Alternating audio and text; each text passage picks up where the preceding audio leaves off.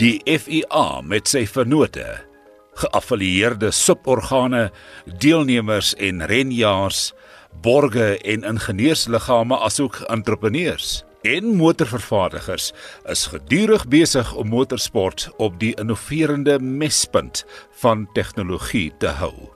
Daar is gedurig in alle sektore van motorsport innovasie en navorsing om vooruitgang te balanseer en te dryf.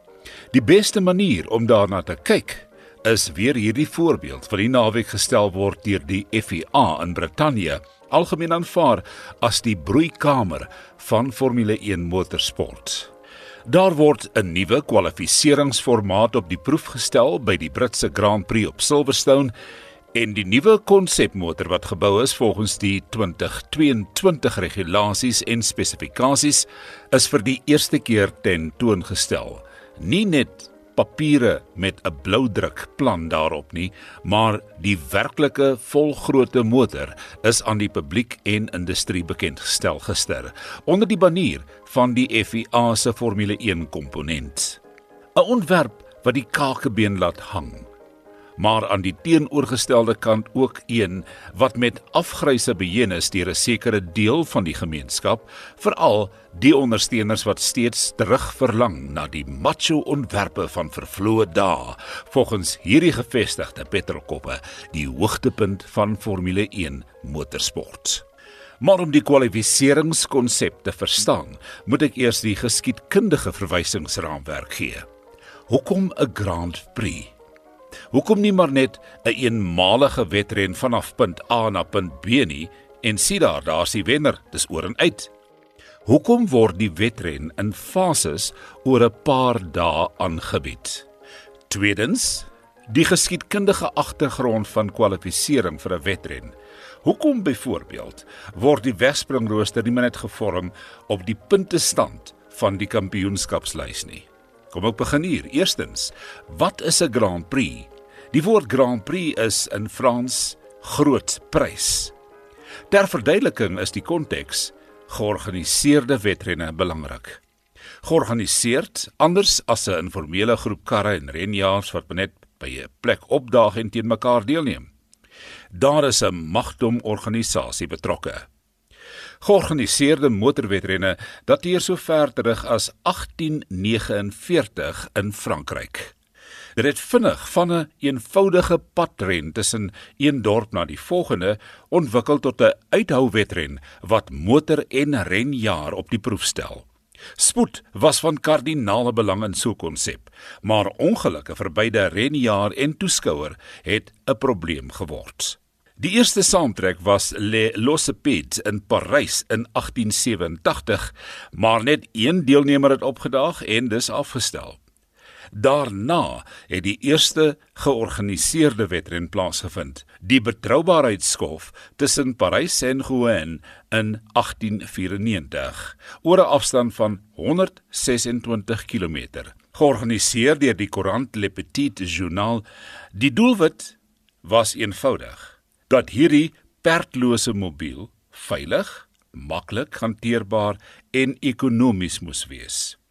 Dit slegs as agtergrond om te begryp waar alles begin het waarmee ons vandag nog besig is en die beperkte tyd van hierdie bydra vandag op RSG Sport. Vandag weet ons hoe hierdie perdlose waans ontwikkel.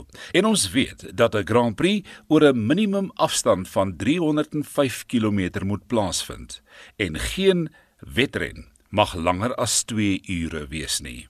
Der verdere kortlikse stawing van waar alles begin het. Die eerste jaarlikse wedren met internasionale deelnemers was die Vanderbilt Cup in 1900. 21 deelnemers het weggespring in Parys wat gewen is deur Graaf de Dion in 'n stoom aangedrewe die Dion trekker. Ongelukkig is de Dion gediskwalifiseer omdat sy trekker nie 'n praktiese padvoertuig was nie. Sy gemiddelde snelheid was 17 km/h. Baie ander dorpswedrenne wat intussen aangebied is, soos die destydse Parys na Bordeaux wedren in 1895, gewen deur Emile Lavasseur. Die vier perdekrag Penach Lavasseur wat hy vir 48 ure en 48 minute gery het non-stop. Maar weer eens is hy ook gediskwalifiseer omdat sy motor 2 in plaas van 4 sitplekke gehad het. Dit is ironies dat 'n standbeeld van Emile Levasseur opgerig is in Port-de-Maillet in Parys. Die Panard Levasseur is een van die eerste passasiersmotors waarop die Franse baie baie trots is en vandag nog gesog wêreldwyd by versamelaars. So het die 1900 Panard Levasseur twee-silinder geklink.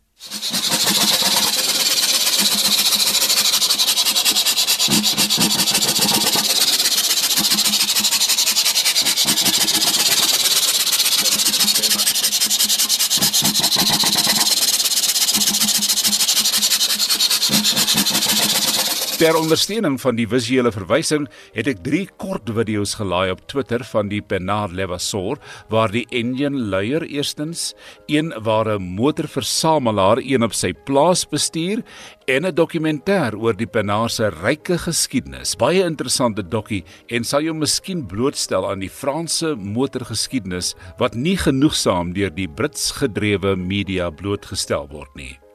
Ek sal die inligting aan ons webmeester verskaf, dis Herman Stein, sodat hy dit op Potgooi kan laai. Jy kan gerus volgende week op Potgooi kyk, liefs na die middel van die week.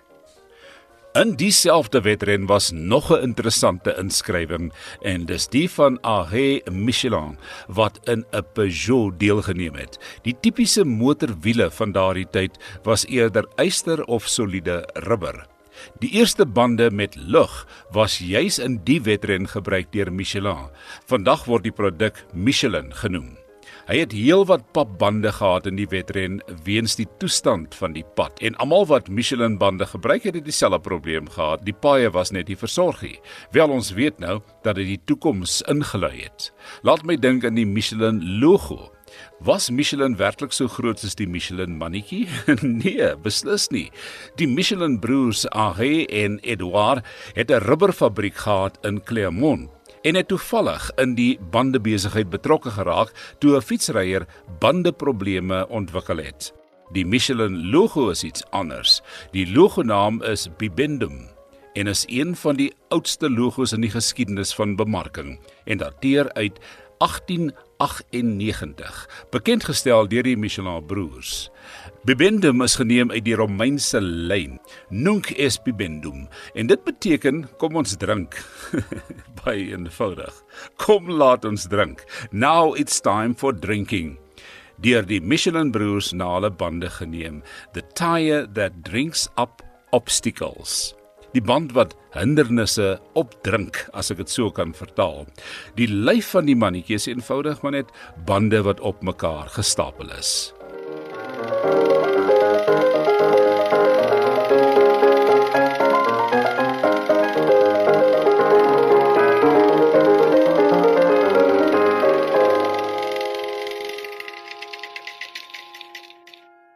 Nou na Grand Prix. Die naam Grand Prix vroeër verduidelik is gevestig dat die eerste georganiseerde Grand Prix oor 'n paar dae plaasgevind het. Byvoorbeeld, 1 uur lank elke dag oor 3 dae. Dit was eenvoudig so soos dit.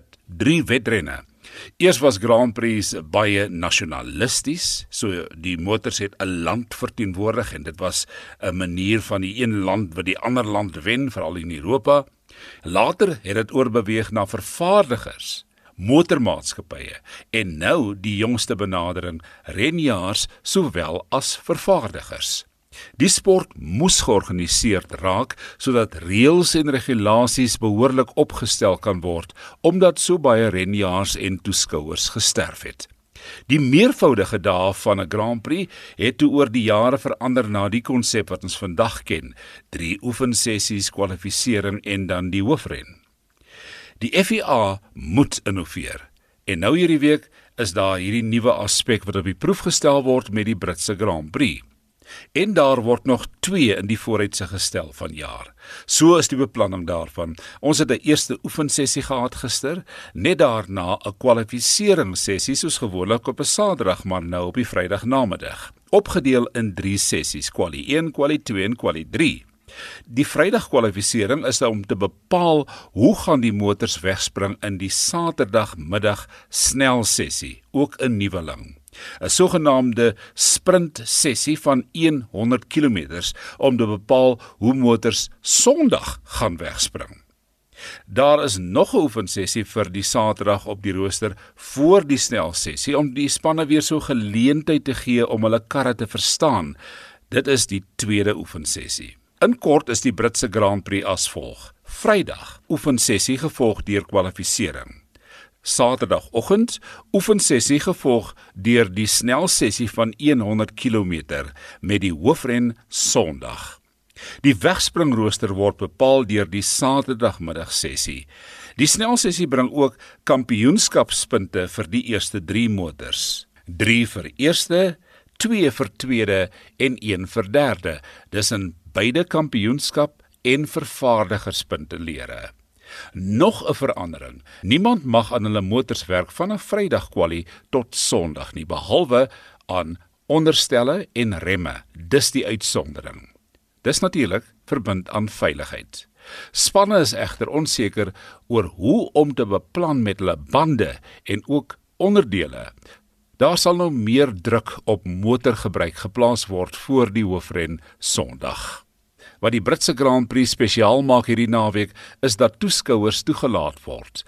140 000 sal die wedren Sondag kan gadeslaan. In totaal 100% kapasiteit op Silverstone. Dit beteken 351 000 toeskouers. Dit was tog opwindend gister om weer mense by 'n Grand Prix te sien. Geen kunsmatige gesigte op skerms en geblikte gejuig nie. En die interessantheid van die Britse skare laat 'n mens dink aan die Indiese skare met Sachin Tendulkar op die cricketveld. As Sachin aan die bal raak, is daar 'n gejuig. As hy net sy rug bietjie strek of so bietjie vorentoe buig, is daar 'n gejuig. As hy net so kort draffie gee of veldwerk gaan doen, gaan die Indiese ondersteuners van hulle koppe af.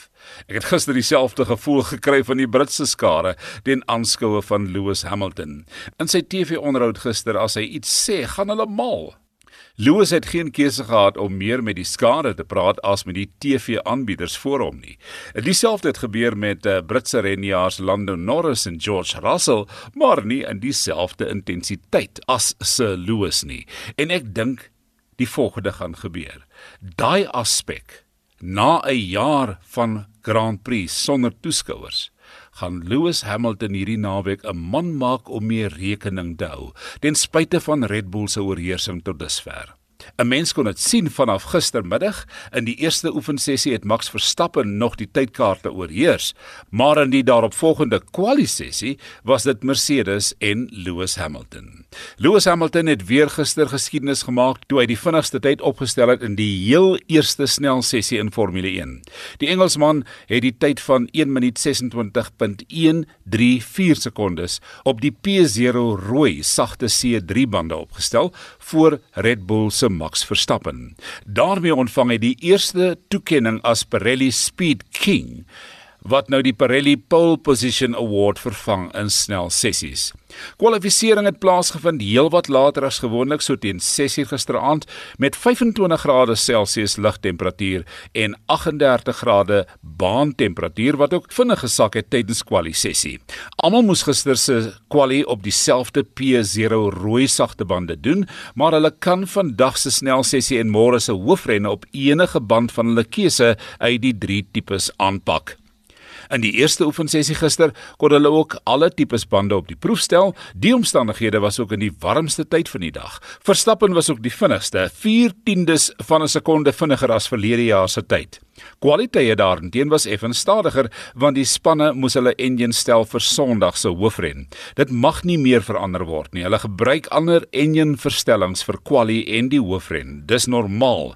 Kwali verstellings is gebaseer op spoed terwyl hoofren verstellings afstand en verkeer moet akkommodeer.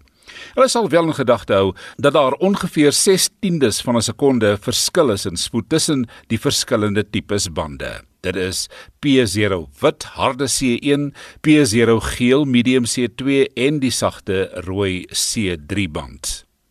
'n Interessante snelsessie lê vandag voor na 6uur. Vandag is een van die warmste dae gemeet in Engeland, maar teen die tyd van die snelsessie sal die temperature 'n mindere invloed hê op motorwerking. Die snelsessie is anders as die normale kwalifisering waaraan ons gewoond is, want nou gaan die motors direk teen mekaar deelneem oor 'n afstand van 100 km. Geen voorskrifte oor kuipe besoeke nie, want na 100 km as daai geryte vlag geswaai word word, sal die volgorde soos hulle oor die wenstreep ry die wegspringrooster vir môre bepaal. Onder die kwalifikasiesessie van gisteraand het die volgende 10 renjaars deelgeneem vir die eerste 10 plekke. En ek gee die name in die volgorde van kwaliteite. Hamilton eerste, Verstappen tweede, Bottas derde, Leclerc vierde, Perez vyfde, Norris sesde, Ricciardo sewende, Russell met 'n verrassende tyd agste, Sainz negende en Vettel tiende. Ons hoop die motors hou en ongelukke word uitgeskakel in die snel sessie. Alle motors is sedert gister in Park Ferme So daar mag nie aan dit gewerk word nie behalwe vir die uitsonderings wat ek vroeër gegee het. Die formaat het sy ondersteuners maar ook sy teenstanders. Ons moet maar kyk hoe lyk die sukses daarvan in die terugvoer van die FIA, die ondersteuners, renjaars en spanne. Jy kan maar jou gevolgtrekking aan die einde van die naweek maak. Ek persoonlik dink dat die gewone kwalifikasie wat ons ken ook maar net so onregverdig is. Eintlik het alle formate hulle nadele en voordele. Ek dink ook dat die wedren onder wedrenomstandighede plaasvind en dat die kwaliformaat nie getrou is aan wedrenomstandighede nie van daar my mening. Die snelsessie is meer 'n ware Jakob om die wegspringrooster te bepaal, maar menings is menings nie waar nie en gevolgtrekkings is gevolgtrekkings. Die nuwe konsep proefneming is aan almal onbekend. Kom ons verken eers. Fritz Klaaste vir RSG Sport.